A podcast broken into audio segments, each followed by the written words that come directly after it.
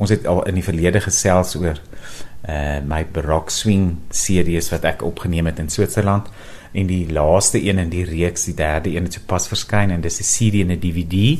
So so dis vir my 'n lekker ervaring gewees om hierdie trip as ek dit so kan stel waarop ek in die trio was die afgelope klomp jaar nou op so 'n manier te kan eindig met 'n produk wat die luisteraars van hierdie program en ander fans van ons musiek in staat stel om te sien waar ons speel oor see en hoe dit lyk en waar al hierdie opnames gemaak is met so 'n bietjie van 'n behind the scenes dokumentêr ook. So dis iets wat uh, nou einde Januarie gebeur het met die vrystelling. Want is dit in dieselfde plek opgeneem was waar al die ander opgeneem is? Dis reg in dieselfde kerk.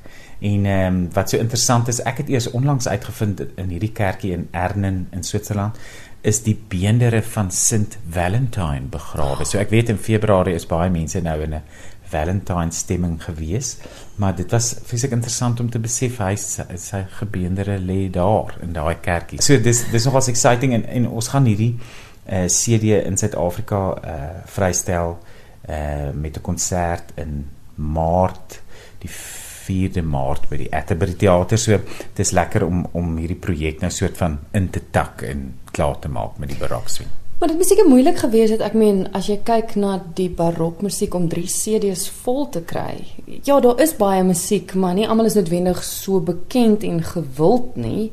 Was dit 'n uitdaging? Dis 'n groot uitdaging en jy slaan die spyker op die kop deur te sê dat dit uh, uitdaging is om om die regte en geskikte soort musiek ook te te kan uitsoek wat in uh, soveel woorde opgejazz kan word verstaan jy? Want baie baie barokmusiek is ongelooflik mooi en kompleks maar om een of ander rede werk dit nie as jy dit probeer herverwerk in daai rigting nie.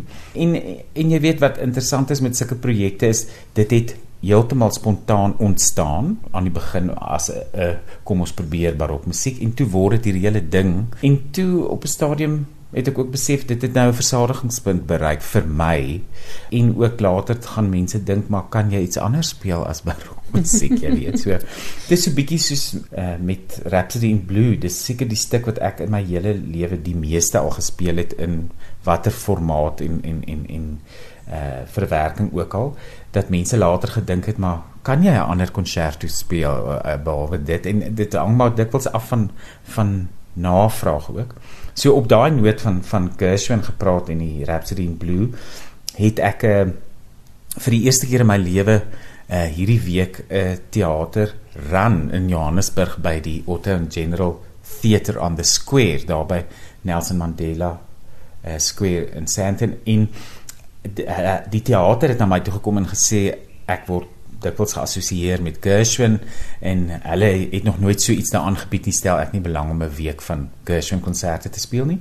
So ek noem dit Charles Duplessis plays Gershwin en as luisteraars al in die verlede van van die Gershwin konserte wat ek gespeel het bygewoon het, hierheen gaan 'n bietjie anders wees. So in die verlede het ek met 'n sanger gewerk, so hierdie keer is daar nie 'n sanger by nie en uh, daar's klomp nuwe musiek in die, in die, in die vertoning maar ek speel ook baie alleen en dan is my my twee kollegas in die trio uh saam met my op die verhoog in die tweede helfte van die produksie. Nou wat jy nou sê dis nou die eerste keer is dit die eerste keer wat jy dan nou soveel vertonings dieselfde vertoning na mekaar het want jy het gewoonlik net enkel afsonderlike. Presies, jy weet uh, gewoonlik is is is dit nie uh 'n gebruik om om 'n musiekshow as ek dit so kan mm. stel 'n uh, uh, uh, in 'n run te sit waar dit klassieke musiek is nie. So so uh ek sien nogals uit daarna dit gaan 'n uitdaging wees en ek hou baie van daai van daai teater want ja. dis dis klein genoeg maar dis ook groot genoeg. So dis dis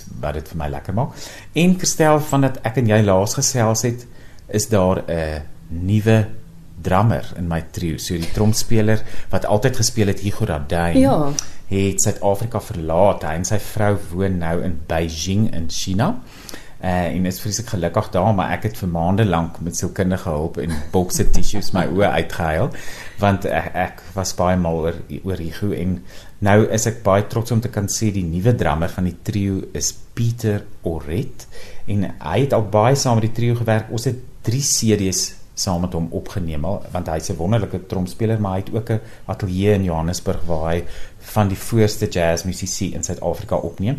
So Pieter het al 'n SAMA gewen vir die beste uh, recording engineer. Hy's hy's 'n verskriklike komieklike en nice ou want jy weet mense reis baie saam en werk baie ure aan projekte. So ek ek het van Oktober verlede jaar af saam met hom gespeel en hy's ook aan boord om vir Nathaniel te speel wat lekker werk. So ek is uh, regtig gelukkig met hom. So jy het 'n nuwe familielid. Dis heeltemal reg. Is nou die nuwe aangenome seun in die familie. Ja. Gee gou weer maar die datums van die Otto General Theatre on the Street. So Charles Plessis Place Gershwin is 20 tot 24 Februarie. So dis van vanaand af tot en met Saterdag. Saterdag is daar twee konserte en die besprekings is by CompuTicket.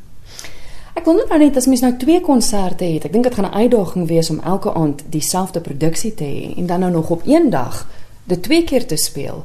Hoe kyk jy na jou stamina as pianis vir so 'n dag? Ek dink mens eet maar 'n goeie bord pasta voor die tyd om jou kaaps op te kry. O, so dis nie net as jy hardloop as jy pasta moet eet nie. nee, ek joke sommer. Nee, ek jy weet wat 'n aardig is is as as jy mooi daaroor dink, eh uh, gemiddelde eh uh, hoeveelheid ure wat 'n pianis voor die klavier per dag spandeer is tog baie meer as die konsert. En natuurlik die konsert het 'n ander mate van inspanning en konsentrasie baie keer, maar om twee keer in 'n ry te speel, ehm um, is nie vir my so erg nie. Ek ek het dit eh, al in die verlede gedoen en en mense gaan definitief daarna min of meer afblaas soos 'n ou ballon ballon maar uh, dit dis eintlik 'n lekker ervaring jy weet mense gaan eintlik op so 'n trip later in jou kop uh, dan sy op so 'n stasie en speel net. Ek kuier by die pianis Charles Du Plessis en hy vertel ons van sy planne vir die komende maand of 2. Julle gaan Amerika toe. Dis reg, dis eintlik net ek wat Amerika oh. toe gaan. Jy weet hierdie goed kom so in vla, uh, Christel, maar hierdie jaar is daar om een of ander rede klomp geleenthede vir my om saam met simfonieorkeste te speel as 'n solis. So ek speel vir die eerste keer aan die einde van Maart met die Oos-Kaap Filharmoniese Orkees en Richard Kok wat dirigeer en dan net daarna gaan ek Amerika toe waar ek vir die eerste keer daar met 'n orkes speel. Nou 'n vriend en kollega van my wat oorspronklik van Suid-Afrika afkom maar baie jare al in die buiteland woon, Hanrich Klasen, is die dirigent by die Jeugorkes in Orlando Florida. Hy het my uitgenooi om uh, saam met hulle orkes te gaan speel en dan speel ek die Rhapsody in Blue, so daar knik hy mense weer, hulle koppe en sê sien, sien, sien. Maar ehm um, dan het ek gelukkig die die geleentheid om op daardie uh, selfde toer uh weer New York toe te gaan. Ek was verlede jaar in Mei maand in New York om opnames te maak vir Steinway se nuwe reeks klaviere wat hulle die Spirio klavier noem. Dis 'n gewone Steinway vleuelklavier, maar hy het 'n stelsel ingebou wat uh met 'n iPad werk en dan kan die klavier van self speel. So dit wat so wonderlik is, jy koop nou vir jou klavier by die huis en dan kies jy op hierdie tablet ek wil nou Vladimir Ashkenazi hoor wat vir my Chopin speel. Dan ploeps dan is dit sy interpretasie met presies sy nuansering pedaal gebruik. Die klawers gaan op en af. Dit is soos 'n klavierspokie wat daar speel. En ek het verlede jaar in in in my maand opnames gemaak. So dis so interessant om waar ek ook al kom en daar Spirio Steinway is dan kyk ek net op die tablet is my opnames nog daar en dan as jy dit klik dan speel dit dit dit is 'n verbuisterende ervaring gewees om vir die eerste keer in my lewe daar in New York by die opnames myself te hoor speel op 'n klavier van voor af. Jy weet waar jy ja, in die ja, gehoor kan ja. gaan sit want ek kon soos enige ander mens myself nog net deur 'n opname hoor. So ek het nog altyd die klavier op oorfone of deur luidsprekers gehoor, maar nooit die instrument self nie. Nou vir wie is daai klavier? Daar's ongelooflik baie mense wat 'n liefde vir klaviermusiek ja? het en toevallig baie geld en 'n hoë verwagting as dit kom by 'n 'n audioele uh ervaring en daai mense wil nie 'n opname hoor nie. Hulle wil die regte instrument hoor soos wat jy in 'n konsertsaal sal doen, maar in die gemak van hulle eie huis. So daar's duisende opnames op hierdie uh stelsel en kom da daagliks nog nog by. So as ek dit so kan stel, ek, ek dink dis vir mense wat regtig net 'n baie hoë premie het op waarna hulle luister. Maar dis van jazz na klassiek na blues en party mense dink dit is ongelooflik dat jy hierdie klavier op daai tablet ook 'n klein bietjie sagter kan sit. So as jy eet, dan kies jy nou net Diana Krall speel vanaand vir ons uh halfuur se bietjie jazz en dan dip jy die volume sodat ons nog lekker kan sit en gesels oh, langs die klavier. Dis verbuistering. En die tegnologie daaraan is so advanced. Jy kan dit nie glo nie. Die man het vir my verduidelik die dag met die opnames. Elke klawer het iets soos 261 moontlike graderings van hard na sag.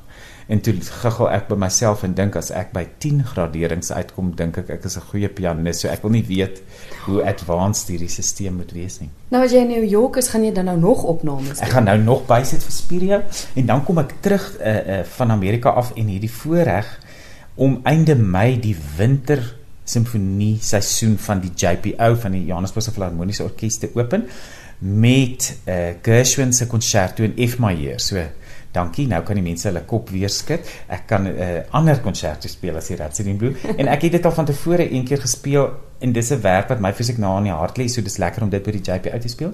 En dan die laaste uh orkeservaring sover vir die jaar is in Oktober speel ek saam met die pianis Albi van Skalkwyk die Mozart dubbelkonserto vir die een wat hy vir twee klaviere geskryf het in Bloemfontein saam met die Vrystaatse Simfonieorkes.